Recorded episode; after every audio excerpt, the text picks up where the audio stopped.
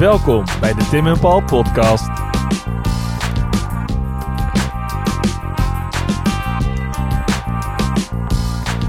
Nadat de nazi's in 1933 aan de macht kwamen, werd er vanaf bovenaf een ander idee van cultuur opgelegd.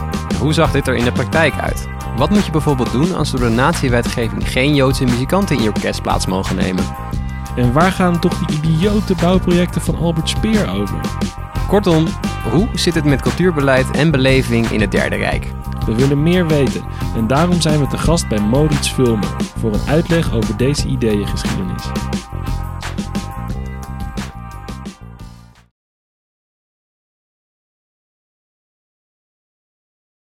Tim, waar zijn we? We zijn op de UvA vandaag, Alweer. ja. alweer. En we zijn eh, op het kantoor van iemand van wie ik college heb gehad deze keer. Ja, ik niet. Meneer Maurits Vulmer. Eh, en we gaan het hebben over cultuur in het Derde Rijk. Ja, Ik ben heel benieuwd. Ehm, ik weet er echt helemaal niks vanaf. Jij iets meer? Ik? Jij hebt college ik. gehad. Ik heb college, maar dat Ja. ging wel ergens anders Oh, over. Antwerpen. Waar ging het over? Over eh, de keizer. Ja, Keizer Wilhelm. dat is er net voor als ik het goed Ja, heb. dat Dat, weet ik dan nog, nog net. Nee, maar we gaan het nu hebben over cultuur in het Derde Rijk. Ja. Ehm Maurits, leuk dat we er zijn. Ehm, misschien een goede introductievraag over welke periode hebben we het? Want bij het Derde Rijk denk ik toch al gauw aan de Tweede Wereldoorlog. Maar moeten we eerder beginnen? Is het vanaf de jaren 40? Waar kijken we naar? Na eh, de cultuur in het Derde Rijk mm, begon in 1933 zoals het Derde Rijk, maar het heeft natuurlijk een voorgeschiedenis gehad. En dus wij moeten wel kijken naar tenminste de Weimar Republiek. Maar die kunnen het ook niet zo scheiden. Natuurlijk zijn de stromingen die ja, vooral mm, voor de cultuuropvatting van het nazisme centraal stonden, al voor 1933 ontstaan. Maar het is ook goed dat je de Tweede Wereldoorlog noemt, want een paar boeken over cultuur in het Derde Rijk, die al bestonden voordat ik mijn boek eh, begon te schrijven, ehm, zijn eigenlijk vrij beperkt op de jaren 1933 tot 1939. Terwijl het juist mijn bedoeling was ook echt integraal de Tweede Wereldoorlog te behandelen. Niet zomaar als epiloog, want het gebeurt toch te veel. En te veel van, ja, van het roofkarakter, van de, de storing, die ook met cultuur in het Derde Rijk verbonden was, vond natuurlijk ook buiten de Duitse grenzen plaats. En zo echt pas in de Tweede Wereldoorlog. Ja, en, maar waarom vond je het dan zo belangrijk? Je hebt daar echt een soort van bewust voor gekozen. Dat was omdat het dan pas echt op gang kwam in de Tweede Wereldoorlog? Of? Nou, zo zou ik het niet zeggen. Ik zou zeggen, um, de cultuur in het Derde Rijk, daar heb je natuurlijk misschien de neiging om het zo wat statisch te beschrijven. Uh, het nationaalsocialisme had een bepaalde opvatting van cultuur. Daar hoorden grote parades bij. Blote mannen ook, heb ik het Blote idee. toch? mannen, Toch? bepaalde beelden van ja, die soort van Met zo'n- met zo'n monumenten die ze hadden, Ja. eh, die gebouwen.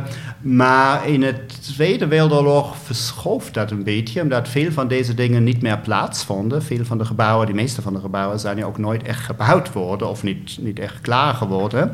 Maar juist het feit dat eh, eh, Duitsland onder Hitler grote delen van Europa onder controle had, dat zie je natuurlijk met enorme implicaties voor de cultuur. Dat zie je natuurlijk pas in de Tweede Wereldoorlog. Vandaar dat ik dat zo belangrijk vond om ook echt te zeggen: het verschuift. Het is in 1933 anders geweest dan in 1937, 38. Eh, daar zijn al belangrijke dingen veranderd, maar is zeker dan nog iets anders dan in 1941 en dan weer 44, 45. Uh, als het na Derde Rijk eigenlijk zijn controle over grote delen van Europa natuurlijk duidelijk aan het verliezen was.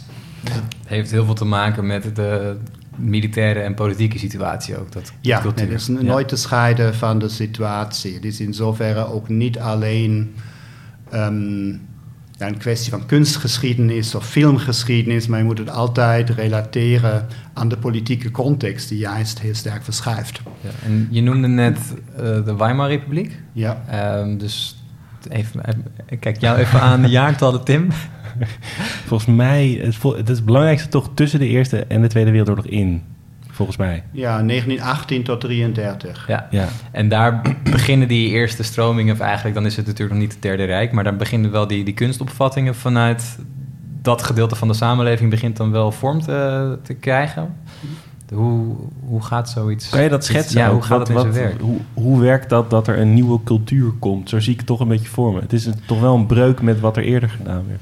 Nou ja, ähm, het is zo'n ja-nee-kwestie. Want het nat- nationaalsocialisme had natuurlijk de ambitie, de claim, iets fundamenteels te vernieuwen. Dus weg te gaan van het oude. Dat is een belangrijk deel van, van ook de belofte van het Derde Rijk en ten tevoren al de nationaalsocialistische beweging. Tegelijkertijd ähm, hadden ze ook het idee in de continuïteit van grote Duitse cultuur te staan, zoals ze zich eigenlijk al tevoren in de 19e eeuw, dus zelf voor de Weimarer Republiek, had gevormd. Ehm, dus Richard Wagner, ehm, waar Hitler natuurlijk een van de, de meest bekende fan helaas is geworden, is al in 1883 overleden, dus 50 jaar voor 33. Ehm, maar het was heel belangrijk te zeggen, in principe, dat is zo Wagneriaans. Wij ja, implementeren, maken praktijk van de droomwereld, de Germaanse droomwereld, die onder meer bij Wagner eh, was ontwikkeld. Of ook heel conventioneel, veel van de cultuur van het Derde Rijk was eigenlijk niet helemaal specifiek nationaal-socialistisch qua inhoud. Dus daar had je het over Goethe en Schiller, die ja, auteurs uit de vroege, rond 1800, late 18e, vroege 19e eeuw, zo'n beetje ja, eh, het meest dichte bij Shakespeare, zo in de Duitse cultuur. En Beethoven, de symfonieën, zo, jetzt wird enorm veel gespeeld. Dus een deel van de Weimarer Republiek is ook dat de Kampfbund voor Duitse Cultuur, dus deze bond die voor Duitse cultuur wilde vechten, ehm, de meest radicale nazi's, die hadden hun eigen symfonieorkest. Dat speelden ze niet bij uitstek specifiek nationaalsocialistische muziek, waarvan ook nooit duidelijk werd wat het eigenlijk zou zijn. Ja. Maar daar speelden ze ook vrij conventionele orkestmuziek. Dus je had aan de muziek zelf nu niet als niet noodzakelijk kunnen merken dat dat natuurlijk een nazi-orkest is. Dus ze kunnen terugleunen op flink wat bagage natuurlijk. Ja. Wat je Ja, dat- Wagner. En, eh, Ja, maar ook Wagner is nu zeker, heeft, had veel rechtsextreme eh, sympathisanten, maar er waren ook socialisten die Wagner ehm, ja, enorm, enorm belangrijk vonden, enorm indrukwekkend. Eh, maar ehm, ja, Beethoven, dus 19e eeuwse conventionele, conservatief geïnterpreteerde cultuur is een enorm belangrijk onderdeel geweest van het Derde Rijk. In zoverre moeten we ook niet te specifiek alleen zeggen wat is nu zo overduidelijk nationaalsocialistisch. Dan krijgen we natuurlijk de films van Leni Riefenstahl en de Rijkspartijtag, de gebouwen van Albert Speer, de architect, die krijgen we dan natuurlijk zeer sterk. En het is ook belangrijk geweest, maar het zou misleidend zijn ehm, als we alleen daarop ke- naar kijken. Want het meeste was qua inhoud, zoals gezegd, eigenlijk niet zo specifiek. Dat had ook in de jaren 20 kunnen plaatsvinden of later in de jaren 50, 60. Eigenlijk tot de dag van de dag. Je Ja. kunt een ja, beetje provinciële, niet zo vernieuwend geïnterpreteerde Beethoven-symfonie, daar is ja ook niks fout aan. Dus, maar, maar dit is juist een belangrijk deel geweest van, van het Derde Rijk qua inhoud. Natuurlijk dan de context is, is heel anders. Ik, ik vind dat beeld van Hitler die dan naar de opera gaat van Wagner, dat is heel treffend. En dat werd ook wel op de universiteit echt verteld. Met zijn laatste geld ging hij dan luisteren naar Wagner en werd hij helemaal in een soort van andere staat gebracht. Wat zit er in die muziek van Wagner, ehm, wat in die rechtse kringen zo, zo opgepikt wordt? Is dat bepaalde thematiek of zo? Het is zeker de thematiek van een glorieus Duits verleden, van de Germanen. En natuurlijk ook altijd bedreigd en ook met een bepaalde wil ja, zichzelf op te offeren. Dat komt heel sterk bij deze beelden van Germaans, maar ook het middeleeuwse verleden. Ehm, maar, en ook het, ja, de bedreiging door, door verraders, zoiets is heel sterk. En er werd veel gezegd dat bepaalde figuren bij Wagner ook zo'n Joodse connotatie hadden. En daar is een heel lange discussie over. Ik ben daar eerlijk gezegd ook geen deskundige van. Daar kun je hele boeken over schrijven. Wagner had duidelijke ant- antisemitische trekken, heeft dat ook zo gezegd. Maar in hoeverre die nu echt terug te zien zijn, of zeker heeft. Punt is meer dat Hitler deze, dit Wagner-enthousiasme had. We weten heel weinig van zijn vroege tijd in Wenen, want heel veel komt natuurlijk van hemzelf en is onbetrouwbaar, want hij een notorische leugenaar of over zijn eigen verlegen altijd is geweest. Maar dit enthousiasme voor Wagner, dat is relatief goed bewezen, ook door anderen die hem kenden.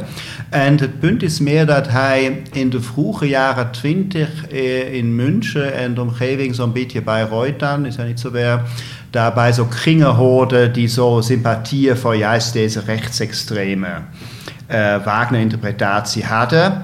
En daar ook zelf, um, als iemand die nooit had gestudeerd, zijn kunstschool niet had afgemaakt, een beetje ja, middelmatige, een gezakte kunstenaar, schilderaar, um, eigenlijk zo'n soort van legitimatie kreeg. Hij is echt nu een cultureel interessante figuur.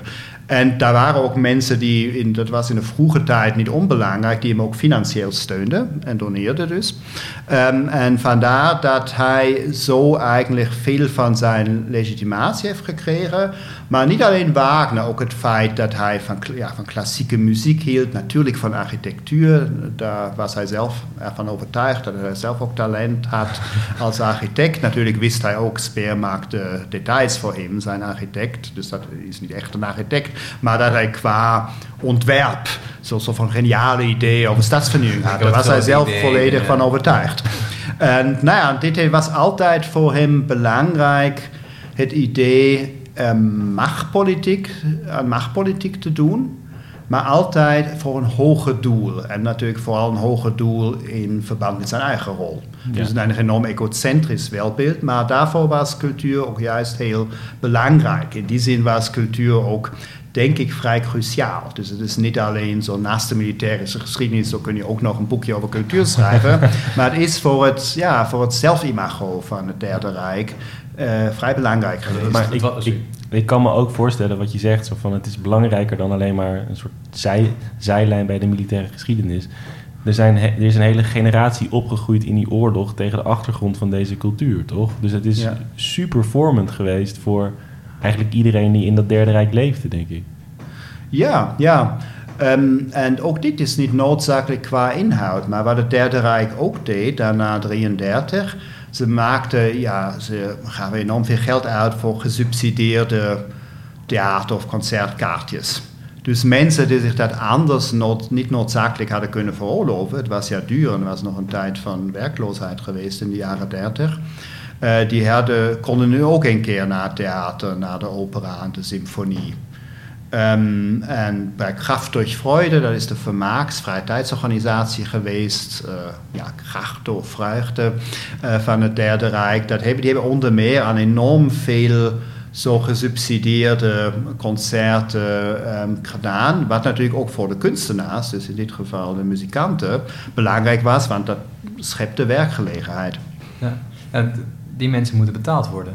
De ja. muzikanten ja. en zo. Ja, ja ze zijn ook betaald worden. Het was een goede tijd voor een, um, zeg maar, een dirigent ergens in de provincie. Je hoeft het niet altijd over Berlijn te hebben. Um, in een kleinere Duitse stad, waar ja culturele leven ook nog steeds redelijk goed gesubsidieerd is in Duitsland, want is, het wordt als belangrijk beschouwd.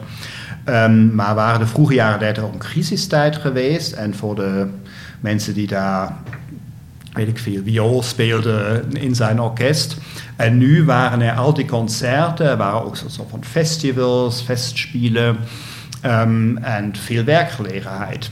En mits deze niet tegen het Derde Rijk geweest waren voor 1933, dus met linkse sympathieën, dan, het lokale communistische orkest, dat werd niet... Uh...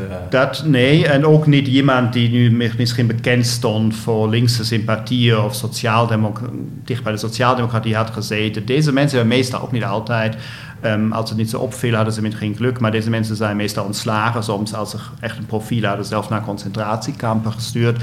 En natuurlijk mensen die helemaal of deels als Joods werden beschouwd. Deze zijn echt uit het laatste provincieorkest um, eruit gegooid, uh, mochten niet meer werken. En dit is ook iets wat je natuurlijk aan de inhoud, aan de symfonie daar werd gespeeld, ook helemaal niet zou merken. Uh, en misschien in de concertzaal natuurlijk ook niet wist of niet ja, die niet kon schelen wie daar wel of niet viool mocht spelen. Uh, maar dit is echt, het antisemitisme gaat echt um, ook, zoals andere delen van de Duitse samenleving, gaat echt ook deze, uh, ja, de hele, hele culturele leven om, om ja, veranderen. En weet je dan ook of daar dan weerstand tegen is? Ik kan me voorstellen als jij in een, in een uh, concertsetting werkt en je bent muzikant en je hebt jarenlang geoefend met iedereen en dit en dat. En jouw, uh, jouw tweede violist blijkt Joods te zijn en die wordt ontslagen omdat hij Joods is. Uh, ik kan me voorstellen dat er dan mensen die dat de rest van, van neutrale zeg maar, politiek zijn en natuurlijk wat, wat andere hardliners misschien in zitten, maar als je gewoon denkt, oh, oké, okay, die is er nu niet meer. Um, is, ja, ik kan me voorstellen dat daar dan wel gemor uitkomt. Of mensen zeggen van, nou, dit is niet wat we moeten doen.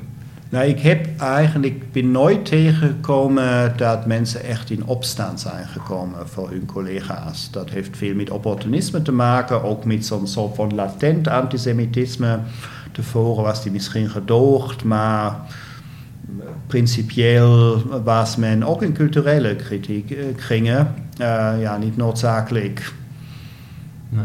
Ja, uh, had men niet baat in Joodse presentie. Er waren wel een paar van de um, Richard Strauss, bekende componist, die zich wel in sommige gevallen voor Joden ook probeerde in te zetten. Maar dan werd dan ook vrij snel ook weer duidelijk dat die dan te werk ging. En dus die worden, werden dan, nou, Richard Strauss was een heel belangrijk, heel populair, maar die werden dan een beetje aan de zijkant geschoven wat de politiek betreft. Zeg, ja. doe jij maar je muziek, maar je hebt niets mee te praten wat, uh, wat, wat, de antisemitisme, wat het antisemitisme betreft. Daar kon het Derde Rijk ook bij tegenspraak. Een paar zo gevallen waren er, meer bij schrijvers, nog in de jaren dertig bij open tegenspraak. Als iemand publiek of voor twintig mensen begon iets kritisch te zeggen over het beleid, over het cultuurbeleid nu in, in het bijzonder, dan was, kon het Derde Rijk wel ook heel dreigend zijn. Uh, dus het nam veel mensen mee, of veel mensen uh, ja, waren ook heel zelf vrij enthousiast of probeerden alles om mee te doen. Dus die ja. hoefden ook niet worden gedwongen. Maar in sommige gevallen werd dan wel op de dwangskant. Uh, ja, ik kan wel de dwangskant voorstellen, want mijn idee van, en dat is natuurlijk totaal uh, over één kam scheren, maar het, het, het proces van kunst is vaak ook een proces van verzet. En er zijn natuurlijk mensen die, die kunst maken tegen het establishment. En er zijn mensen die, die door middel van hun muziek of hun schrijven of hun um, beeldhouwwerken, noem het, uh, dat zij kritiek leveren op de gevestigde orde. Maar als je dan tegelijkertijd in een dictatoriaal regime leeft op dat moment, dan is het natuurlijk lastig of moeilijk om dat te blijven doen. Maar zijn er daar wel dan gevallen van? Of misschien is dat te smal? Ja, um, die zijn er wel, maar zoals je zegt, uh, waren in het Derde Rijk de condities daarvoor enorm moeilijk. Want er was niet noodzakelijk totale overwaching, relatief veel denunciatie.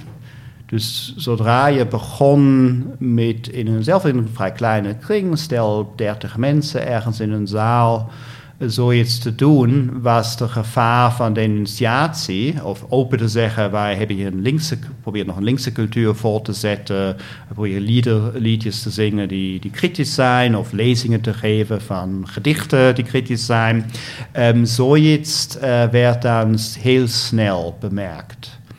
En dus het verhaal van antifascisme vond ik ook interessant om niet alleen naar de nazi's te kijken, maar cultuur in het Derde Rijk. Dan wil je ook de, die andere kant uh, een beetje um, onder de loep nemen. Maar het is toch een verhaal van met heel weinig mensen nog even een socialistisch lied zingen. Alleen mensen die je kon vertrouwen. Dat waren dan niet zoveel en het had dan ook geen politieke impact. Of je dat nog wel of niet met acht mensen ergens, ergens in de bos doet. Uh, dat was misschien voor de eigen steun belangrijk, maar het had geen oppositionele impact meer. Anders is het ook een verhaal van in de tekeningen, gedichten in concentratiekampen. Het is ook vaak natuurlijk een verhaal van ballingschap. Want mensen die nog konden ontsnappen in 1933, dat waren eigenlijk delen van de linkse kunstenaars, um, dat vooral in het begin, die door geluk of als ze nog net misschien iets minder bekend waren, niet naar concentratiekamp uh, moesten, maar in het buitenland terechtkwamen, die probeerden daar natuurlijk attent te maken op, op de vreselijke gebeurtenissen, zeker in concentratiekampen. En die probeerden ook nog hun eigen cultuur, hun eigen romans te publiceren. En dat lukte hem ook voor een deel. Uh, bijvoorbeeld hier in Amsterdam Emmanuel Querido, een bekende uitgever die dan zo boeken van Duitsers in het Duits publiceerde. En ook een literaire tijdschriften. Um, maar die hadden het ook moeilijk, omdat dan toch het beperkt was um, wie dat eigenlijk kon lezen of belang had daarin. Ja, want het is natuurlijk ook wel in Amsterdam Duitse boeken gaan publiceren. Dat is nou niet echt een winnend verdienmodel, kan ik me voorstellen. Of... In de crisis. in, een crisis, ja. ja. Toch? Of ja, ja, is dat te makkelijk gedacht misschien? Toch, toch, dat is, is een belangrijk punt. Ik heb nu net een student uh, die een masterscriptie aan het afronden is over die Sammlung. Dat was zo'n literair tijdschrift, juist gepubliceerd door Querido in Amsterdam. En daar was een punt dat dat ook werd verkocht en gelezen in Oostenrijk.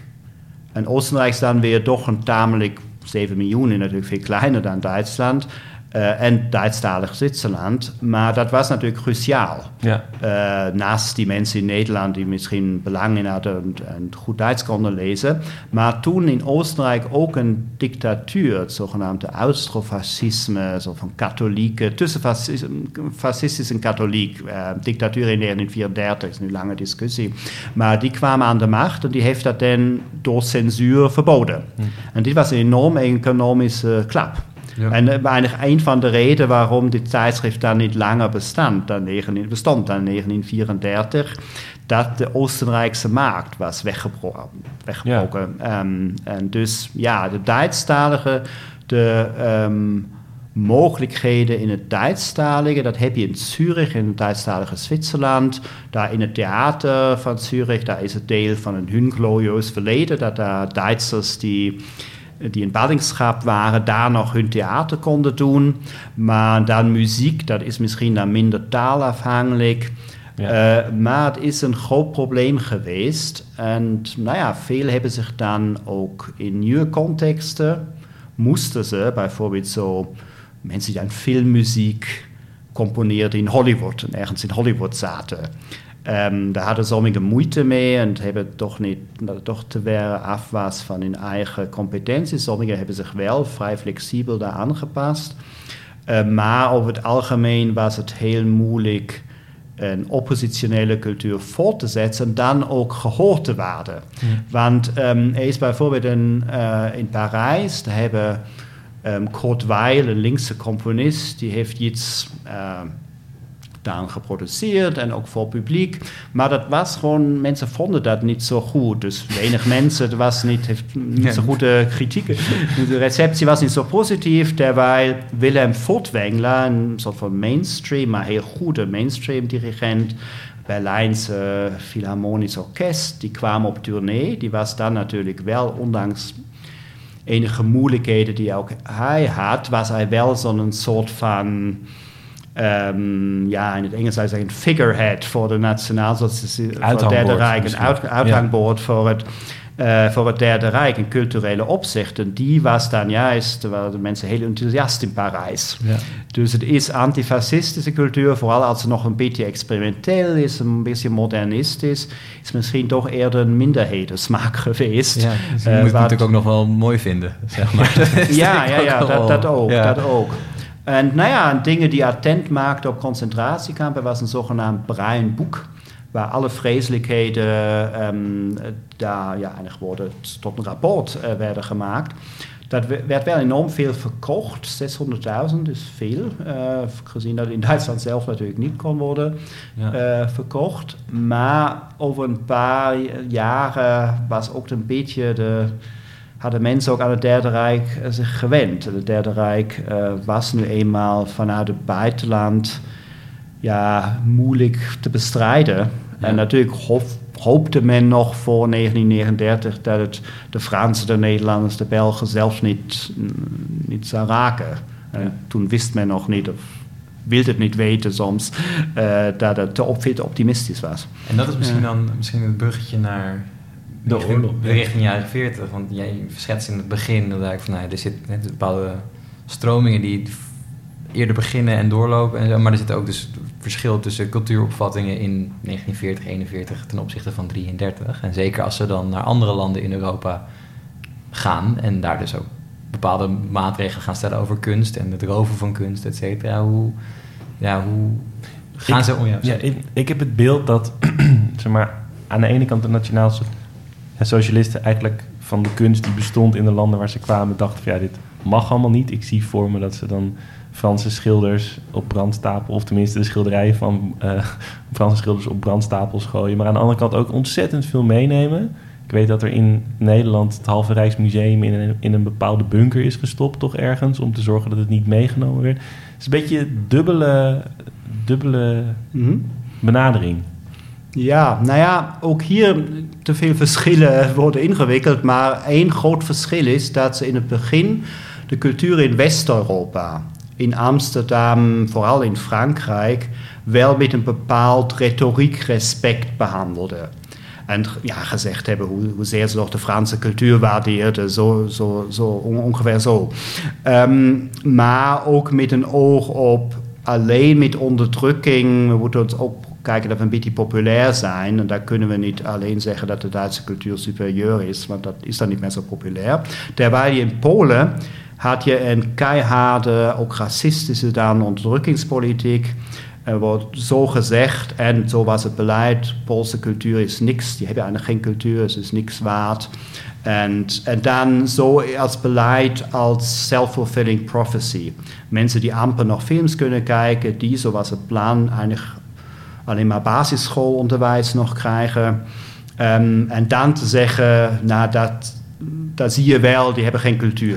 Ja, uh, dat het, en in Rusland, voor zover ze het, uh, was het hetzelfde. In de Oekraïne hoopte men ook nog, want ze hebben dus een beetje meer ruimte gegeven aan de Oekraïnse taal, onderwijs in de Oekraïnse taal. Daar hebben de nationalisten daar ook nog gehoopt. Dat is na ja, jarenlang Stalin een, goed, goede ontwikkeling.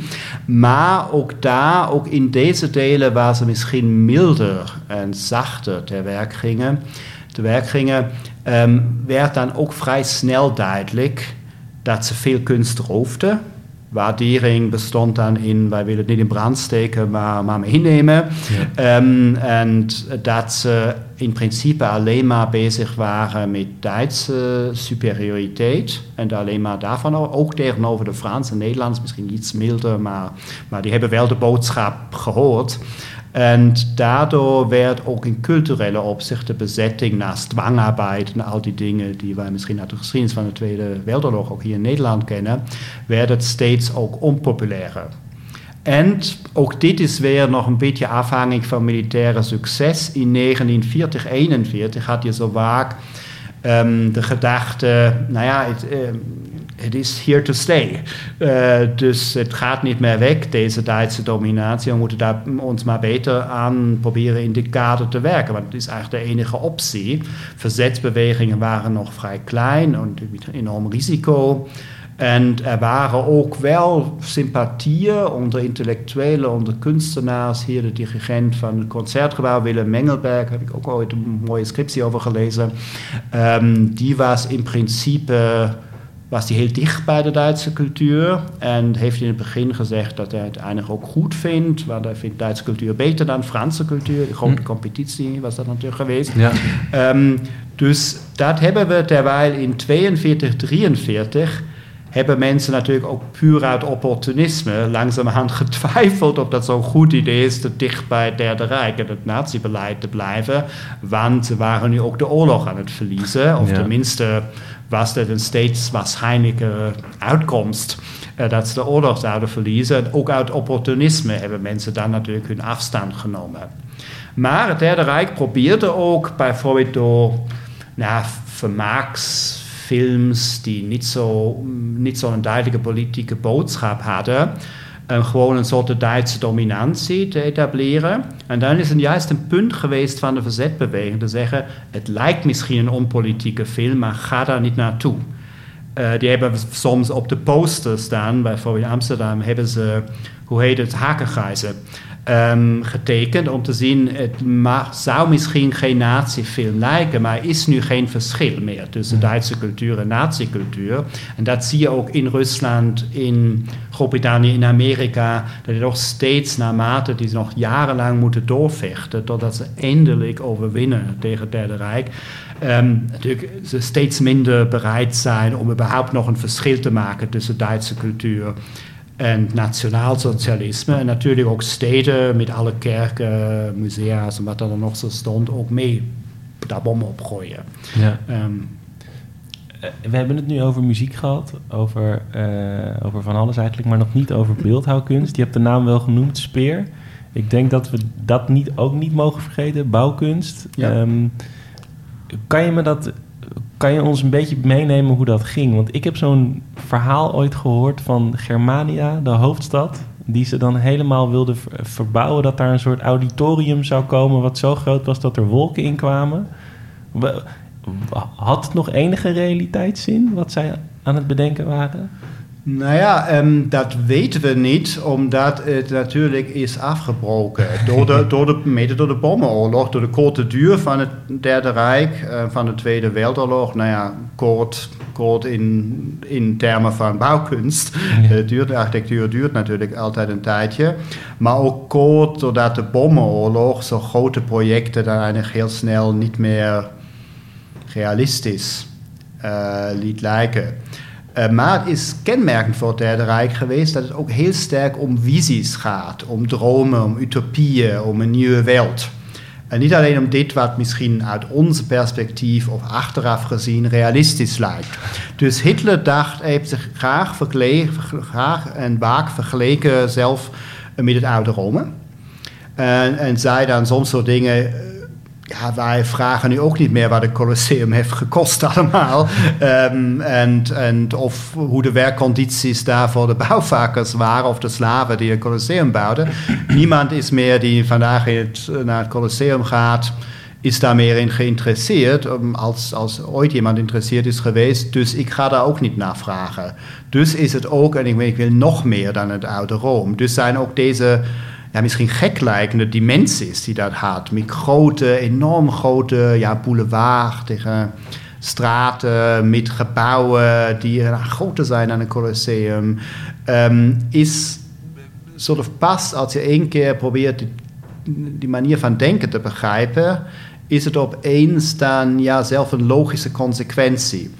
En weliswaar is daar inderdaad weinig van terechtgekomen. Het is uiteindelijk in Berlijn ja, je ziet een paar gebouwen, maar je ziet veel minder dan in sommige delen van Rome bijvoorbeeld. Waar je echt bijna een fascistische wijk hebt. De EUR ben ik onlangs geweest.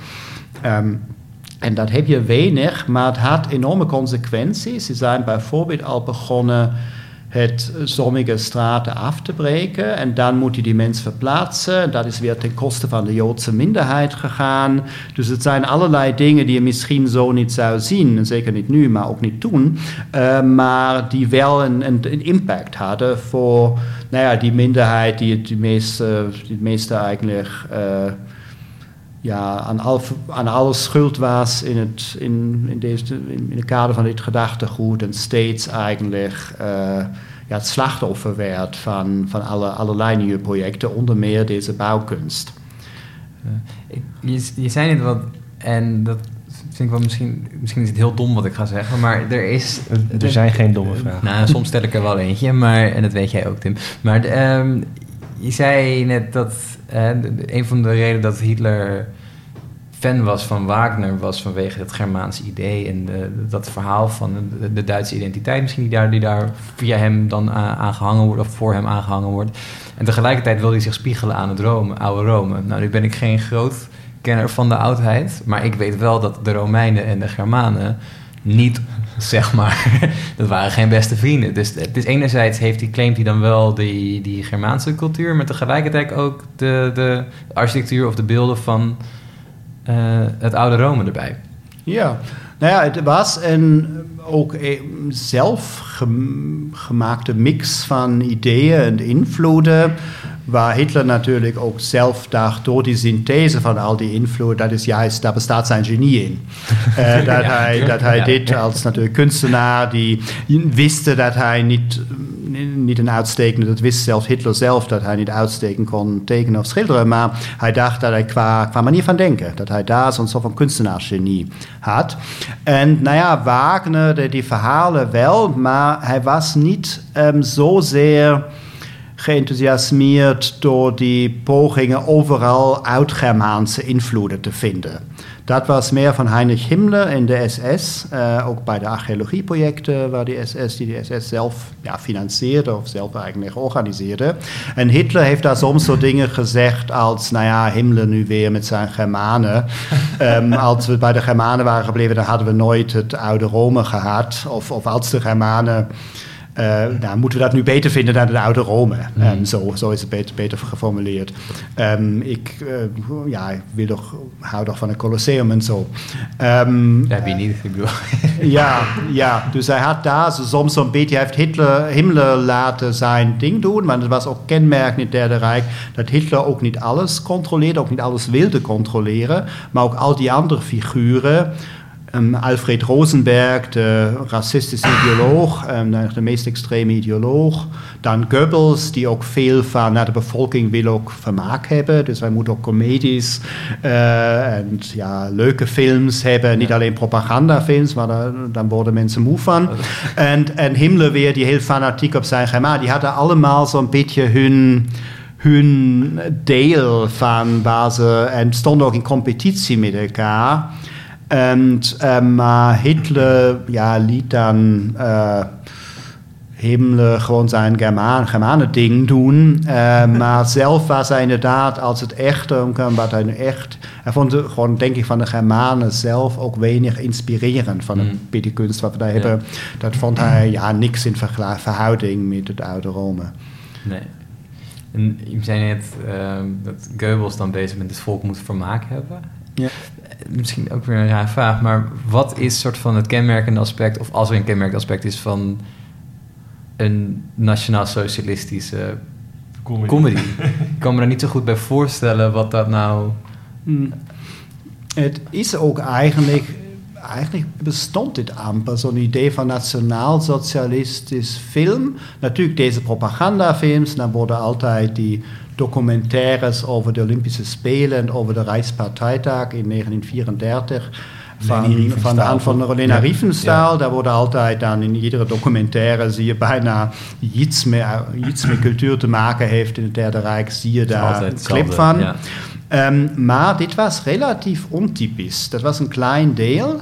Um, en het meeste waren eigenlijk comedies die juist ook in de vroege jaren 30 hadden kunnen worden gemaakt. Maar nooit, soms hebben ze zo'n beetje zo'n contrast laten zien tussen vroeger en als alles slecht was en nu, als alles beter is. In de oorlog zijn er een paar pogingen om zowel propaganda te doen, helemaal aan het eind, maar ook propaganda met een soort van liefdesverhaal. Die grote liefde met de trouwens Zweedse Sarah Leander is zo'n film, want daar gaat het om dat het in het begin zo'n stelletje, een soldaat die piloot is, dus zelf een, in de lucht, luchtwapenpiloot, um, die zich zo leren kennen, is altijd zo eigenlijk zo'n beetje comedie, maar dan wordt het heel serieus, want dan gaat het om dood en hij moet naar de, ja, moet naar de oorlog voeren. Mogelijk komt hij niet terug. En, zij begint dat dan te accepteren. En dat, ziet er niet tegenzin, maar ze beseft dan dat het moet voor het grotere goed van het Duitse volk. Ja. En dit zijn zo pogingen, en soms waren er ook, maar dan waren er ook in, in de, tijdens de Tweede Wereldoorlog comedies die bijvoorbeeld zo waar in een tijd rond 1900 speelden. dus juist een soort van idyllisch, nostalgisch beeld van het verleden een beetje overbrachten. Omdat Goebbels natuurlijk ook besefte, de bommen zijn aan het vallen, blijven vallen ja. en de mensen willen afleiding. Nou, want, want er zat in zo'n film helemaal geen connotatie over oorlog? Of ja, ja waar helemaal... in een film over een bekend film, die is in Duitsland heel bekend, die Feuerzangenbowle. Die is bekend, want toen ik studeerde werd die iedere jaar zo in de kersttijd, december, kon je daar kaartjes voor kopen. was een soort van ritueel daar met vrienden naartoe te gaan. Maar die zou uit de Tweede Wereldoorlog. Maar dat zou je niet zien. Daarom natuurlijk ook nog in de jaren negentig.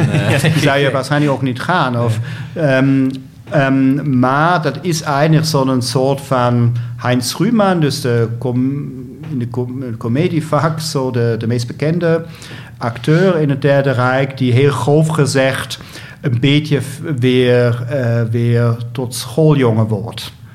Um, en probeert zo onder een foute identiteit zo'n schooljong te zijn. Dan wordt zo'n soort van leraren, leerlingencomedie. Zo met, mm, met grapjes ja. en dingen die ze doen. En, en rare, rare docenten die, die, die rare manier van, van praten hebben. En dat is allemaal heel grappig. En dit is juist van 1944. Ja, dus juist het idee van, een heel populaire film te doen, waar mensen die hele tijd moeten ze horen over bommen en, en ja. zich beschermen en proberen nog te vechten en al die dingen. de wereld wel echt in de brand in 1944. Ja, ja dan juist willen mensen één keer lachen. En, ja. en, en dat had hij uh, beseft. Vandaar dat ook mede door zijn invloed, natuurlijk ook daar, niemand die meer Joods was heeft ergens in een film, ook niet achter de schermen bij de techniek of zo, nog een rol kunnen spelen. En natuurlijk ook niets kritisch. Dus de hele kritische, experimentele, linkse film die in de Weimar Republiek um, ook um, heeft, die kon natuurlijk niet meer worden gemaakt. Die was, bestond niet meer of misschien probeerden mensen ergens in het buitenland, in, in Amerika, dan zoiets te doen. Maar um, het was in die zin veel beperkter wat je kon zien, maar dat betekent juist niet dat, deze film soort van specifiek nationaalsocialistisch was. Vandaar dat ook, dat is ook niet de enige film die nog veel in West-Duitsland na 45 op televisie kwam. Ja. ja ik moet meteen ook denken aan, uh, heeft maar qua geschiedenis niet heel veel mee te maken. Maar die hebben waarschijnlijk wel de uh, Tarantino-film van Inglourious Basterds uh, ja, wel, ja. Nou, dat is natuurlijk de scène, spoiler alert voor de mensen die deze film die tien jaar oud is nog niet hebben gezien. Dan is natuurlijk de, een van de dingen is in de bioscoop dat er dan in de film een andere film wordt laten zien van die Duitse soldaat die dan al die Amerikanen doodschiet. doodschiet. Ja. En daar is dat is dat echt het project van Goebbels, geloof ik, die dan er, daarbij zit. Maar dat is dus totaal eigenlijk tegenovergestelde van wat er echt werd laten zien dan. Want mm. daar zetten ze het neer, dus natuurlijk allemaal fictie, maar ze zetten het neer als een soort van, ja, dit is om te laten zien ons, aan onze strijdmacht, dat, hè, wij zijn beter dan die Amerikanen en zo. En dit speelt zich af in, nou ja, 44, 45 een beetje. Mm.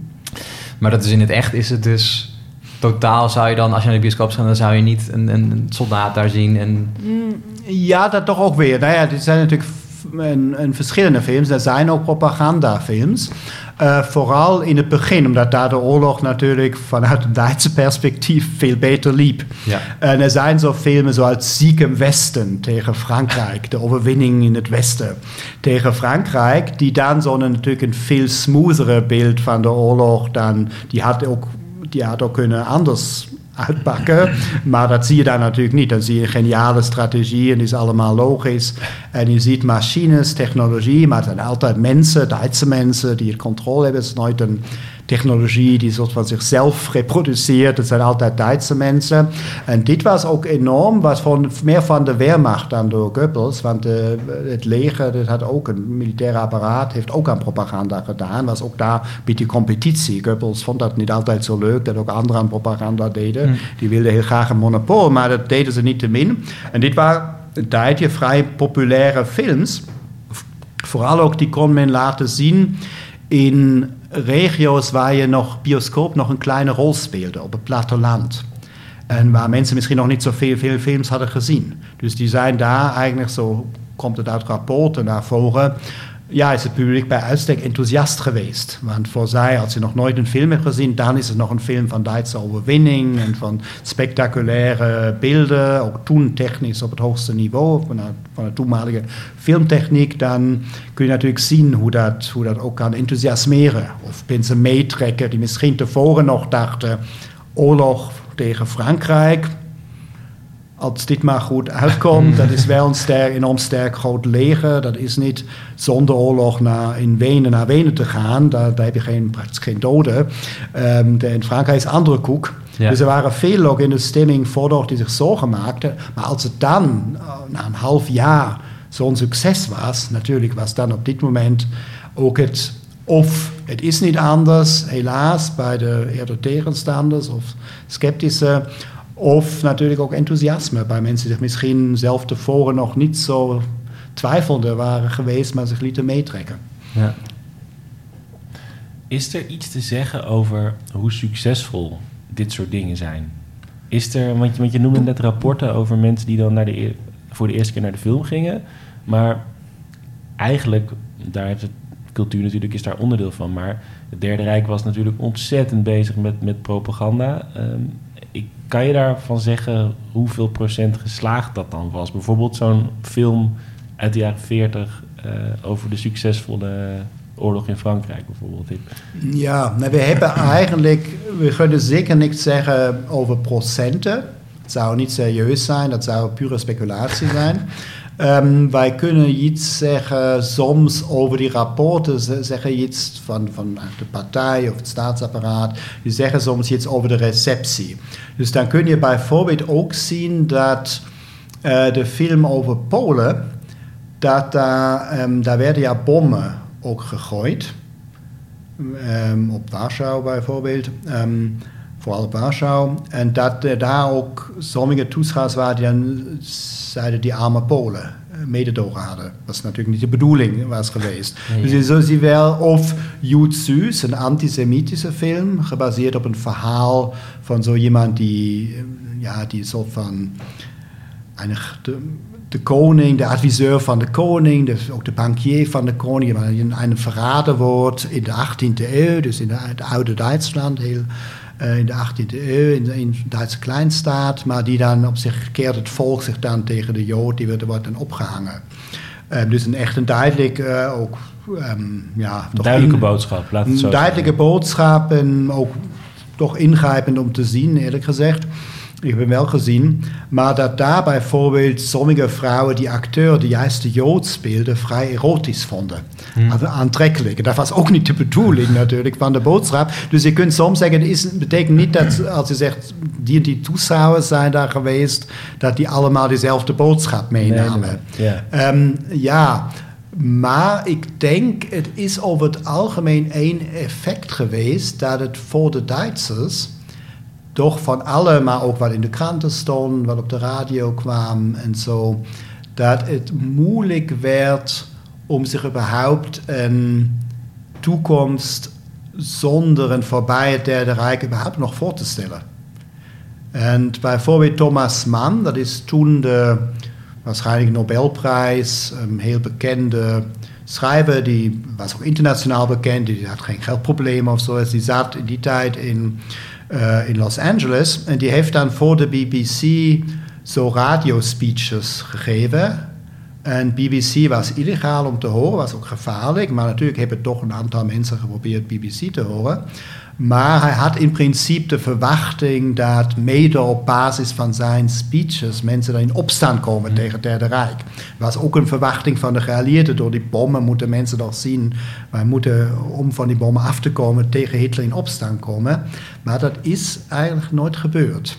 Dus het is natuurlijk is zijn er verzetbewegingen, maar die zijn ook, als je kijkt, helaas vrij klein geweest of, um, of konden niet veel doen, uh, omdat ze zo van elkaar ook geïsoleerd waren. Grote beweging te vormen bleef moeilijk, ook tot het eind van de Tweede Wereldoorlog. Het was ook niet zo dat zich een deel van, van het nationaal-socialisme tegen Hitler keerde. Dat is in Italië zo gebeurd, tegen Mussolini. Eigenlijk niet echt voorstelbaar in het, eh, in het Derde Rijk.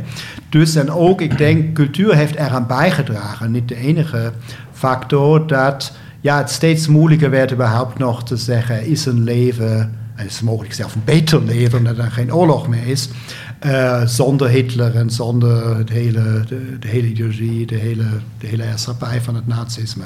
Dat is echt zo'n beetje zo dat het een buitenstaande positie wordt, überhaupt nog zo te denken. Na twaalf jaren heel intensieve propaganda, na buitensluiting van tegenstemmen en ja, al die dingen die nog, repressie natuurlijk ook, onderdrukking, al die dingen die deel uitmaakten van, van, van deze dictatuur een klein beetje het verlengde van de vraag van Tim is, ik vraag me dan ook af, hoe werd dit van buitenaf beschouwd? Die, bijvoorbeeld, nou, je noemde net de films van Leni Riefenstahl, die altijd in elke documentaire uh, weer, weer tevoorschijn worden gehaald. Um, of bepaalde beeldhouwwerken en zo, de architectuur. Hoe wordt dat op dat moment door tijdgenoten uit Engeland, Amerika, Rusland, uh, hoe wordt dat, wordt het gewaardeerd zeg maar, voor wat het is? Buiten dan het, de natificatie ervan, maar is het van de kunst voor, voor art's sake, zeg maar? Dus de, filmtechnische aspecten van Leni Riefenstahl, wordt dat besproken? Of is het allemaal, nee, dit is de vijand en daar gaan we het niet over hebben? Nee, is, bij Leni Riefenstahl weet ik het nu niet zo precies, maar is wel, um, is wel een bepaalde ook fascinatie met, met deze cultuur. Ook die nou, natuurlijk ook soms um, technisch, uh, hoe je, hoe je zo'n film maakt, natuurlijk op een hoog niveau waren. Er is ook een groot behoefte te zeggen, ten eerste, Derde Rijk is er nu eenmaal en er is niks, niet zoveel wat we daaraan kunnen of misschien willen doen. Uh, maar ook, het is toch eigenlijk interessant. Een voorbeeld is John F. Kennedy, want die is als jonge man in Duitsland geweest, zoals soort van toerist. Ik kwam uit een rijke familie, dus geld was het probleem niet. kon zich een Europa-reis permitteren, dat kon toen niet veel. En die heeft in principe zo gezegd, als ik het goed herinner... Um, nou ja, het zou in Amerika niet passen, dit systeem, maar past voor Duitsland. En um, die was wel, nou ja, het museum, het was het Duitse Technikmuseum in München, dat is wel heel goed, heel Duits gedaan, heel grondig. En die heeft zich ook geen druk gemaakt over mogelijke concentratiekampen. Ook al was het niet zo geheim dat in Dachau, vlakbij München, een concentratiekamp stond. Die heeft zich daar geen druk over gemaakt. En, en Beieren heeft bijvoorbeeld ook toerisme, um, buitenlands toerisme binnengehaald in die tijd. Um, dus het was nooit, uh, nog niet zo, uh, behalve bij echt trouwe antifascisten, die ook naar de Duitse antifascisten luisterden, um, was er um, nog niet zo beseft dat het niet alleen een Duitse vraagstuk is, wat dat voor een cultuur is, maar dat het vroeger of later ook eigenlijk de hele wereld ja. De hele wereld ja, negatieve betekenis of, of de hele wereld zich daar moet positioneren. Ja. Dat besef was er nog niet, omdat natuurlijk ook de neiging zich zoiets onaangenaams beter te vermijden of te hopen dat het dat niet echt ook de, dat het wel overwaait. de cleverness ja. van, van Hitler te zeggen: ik wil ja eigenlijk geen grote oorlog, ik wil alleen maar dat Duitsland niet slechter voor staat dan Frankrijk. Wat is daar nog zo erg, erg aan? Dit, wat hij in interviews en zo vaak zei, dat is vrij succesvol geweest. En dan in het, tijdens de Tweede Wereldoorlog wordt het wel anders. Dus sommigen nog bij de Duitsers te blijven, sommigen die in ballingschap zitten, um, die hebben dan aan Amerikaanse, in principe Hollywood-propaganda meegemaakt. En sommige films zijn heel goed. Um, maar ze hadden ook rare aspecten. Bijvoorbeeld een film over Hangman Also Die heet die. Als ik nog iets mag aanraden, wie, zoals ik dan ook na een tijd, had ik ook geen zin meer, even zelf niet in deze comedies, um, dat, dat, dat te zitten met de dvd's van nazi-comedies. Dus Hangman en Anne had ik zin om iets antifascistisch te, uh, te, te, zien. En Hangman Also Die van Fritz Lang is een grote directeur geweest, altijd in de Weimar Republiek, echt een grote klassieke van de, in de filmgeschiedenis. En Hangman Also Die had eigenlijk het, uh, het doel om Amerikanen ertoe te motiveren zich überhaupt te identificeren met onderdrukte Tsjechen. Want waarom zou je dat doen als je ergens in ja. Iowa zit? Waarom zou je, dan, zou je dan zelf je leven riskeren om naar de oorlog? Waarom zou je dat steunen? Waarom zou je daar niet fel tegen zijn? En dat had zo'n beetje het effect dat die Tsjechen eigenlijk allemaal zonder accent Amerikaans praten. Voor de identificatie is dat natuurlijk goed. Maar de Duitsers dan... Um, dan, dan natuurlijk met een Duits accent of zelf Duits.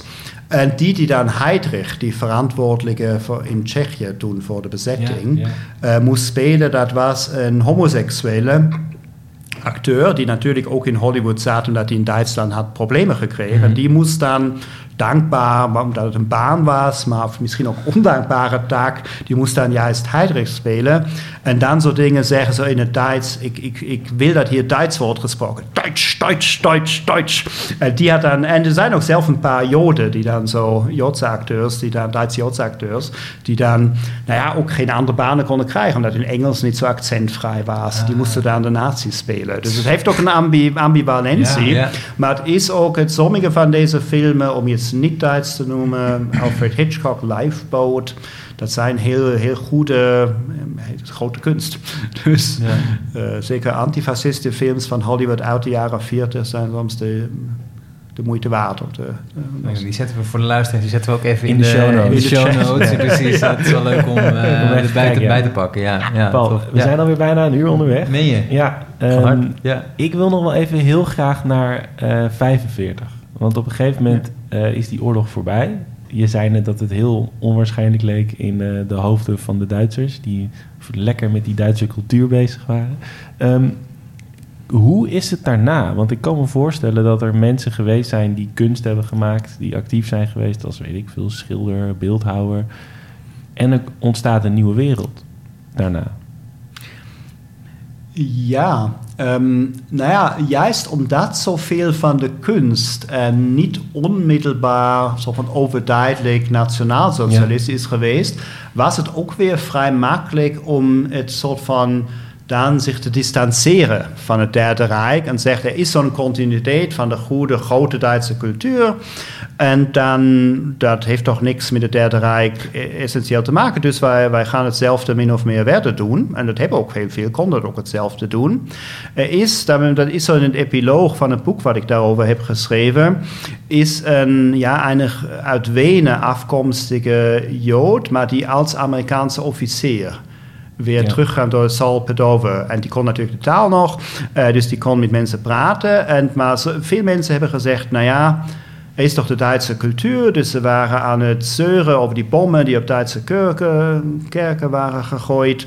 Of hebben tegen wij zijn toch, we kunnen toch nu niet als tweede rangs natie kunnen worden behandeld vanwege de Duitse cultuur. En, en toen hij eh, dat een generaal uh, tegen hem zei, zegt hij ja, uh, meneer, weten jullie, uh, beseft, u eigenlijk wat, wat, u praat hier van Duitse cultuur, beseft u eigenlijk wat, wat voor hier hebben plaatsgevonden, voor massamoorden, en die het eigenlijk nog steeds niet wilde beseffen of vond dat het niks met hem en zijn opvatting van Duitsland te maken had.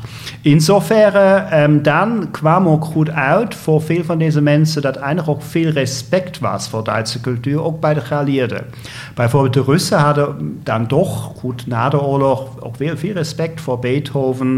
Dan was de Koude Oorlog, dan wilde men in Oost-Berlijn ook, omdat daar toevallig de opera stond, wilde men ook de operaoorlog winnen tegen West-Berlijn, dus publiek trekken. En dan was het soms niet zo, het is niet zo gebruikelijk, zo precies de vraag te stellen, wat hebben deze mensen eigenlijk in het Derde Rijk gedaan?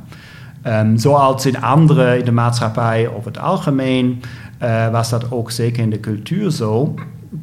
En nou ja, er zijn ook mensen uit dit antifascisme die nou, soms meer in Oost-Berlijn als communisten waren. Bertolt Brecht, de theatermaker, um, die was dan in, in de DDR. Ehm, maar sommigen zijn ook ja, relatief arm, relatief vergeten. Dan hebben ze nog een beetje geleefd. En het was een beetje dat ze juist niet meer zo goed aan de bak konden. Dat ook persoonlijk, uh, nou ja, ook de, nou, natuurlijk persoonlijk een enorme uh, ook traumatiserende ervaringen geweest. Of soms in Hollywood kwam dan het McCarthyisme voor die meer linkse mensen die tijdens de Tweede Wereldoorlog daar bezig waren. Was dat geen goede tijd. En dat ja, iedereen met nog zo ware communistische sympathieën dan ook in Hollywood ook uh, werd eruit gegooid. Niet meer uit het systeem, niet meer kon, kon werken heel vaak.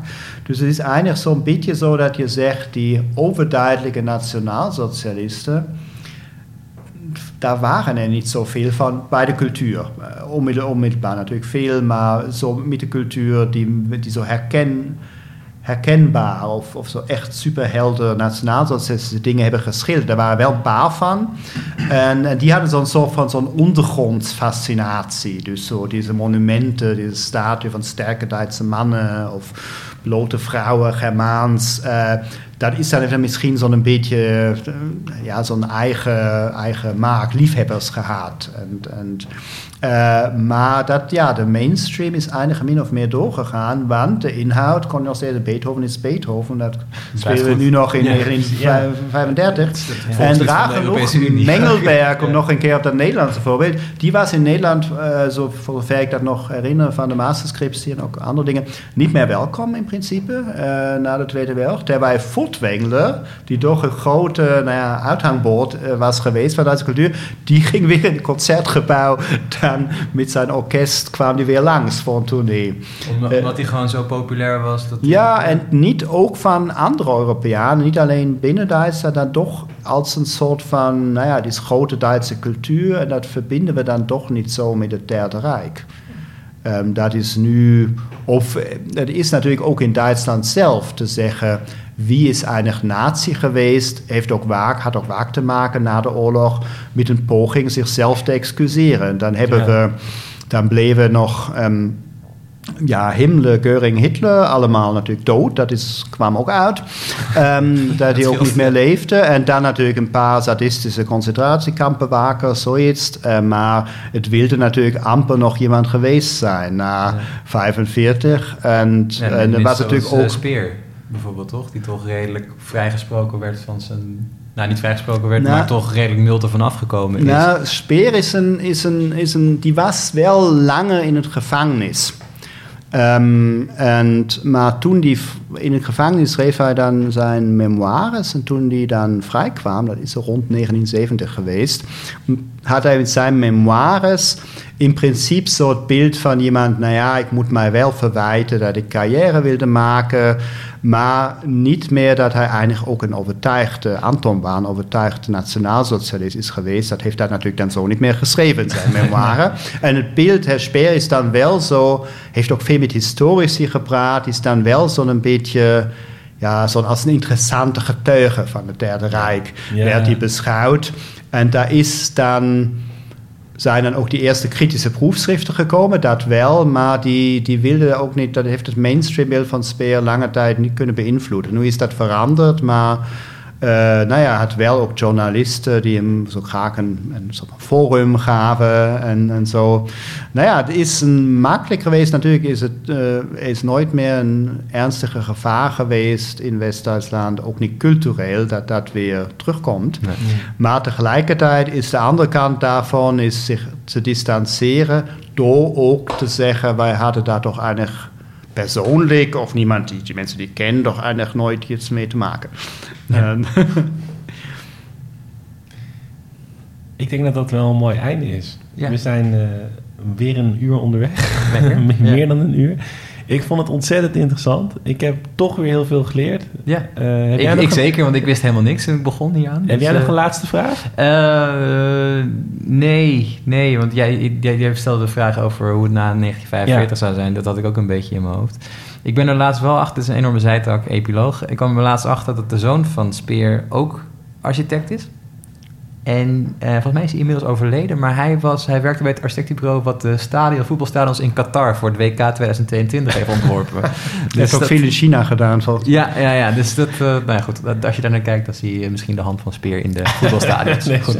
Wanneer is het deze zomer, winter? Uh, winter, winter ja, 2022, ja. ja. En wij, wij, gaan er naartoe. Ja, goed. Dankjewel. Um, heel erg bedankt. Heel, heel, ja, dank aan jullie voor het gesprek.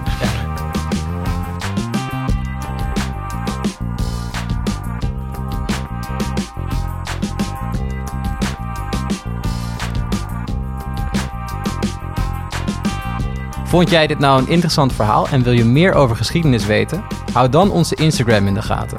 We zouden het ook heel leuk vinden als je een recensie achterlaat. Vijf sterren, mag gewoon. En heb je nou een vet idee waar we het over kunnen hebben? Slide dan in onze DM's. Durf gewoon te vragen. Tot de volgende. Groetjes thuis.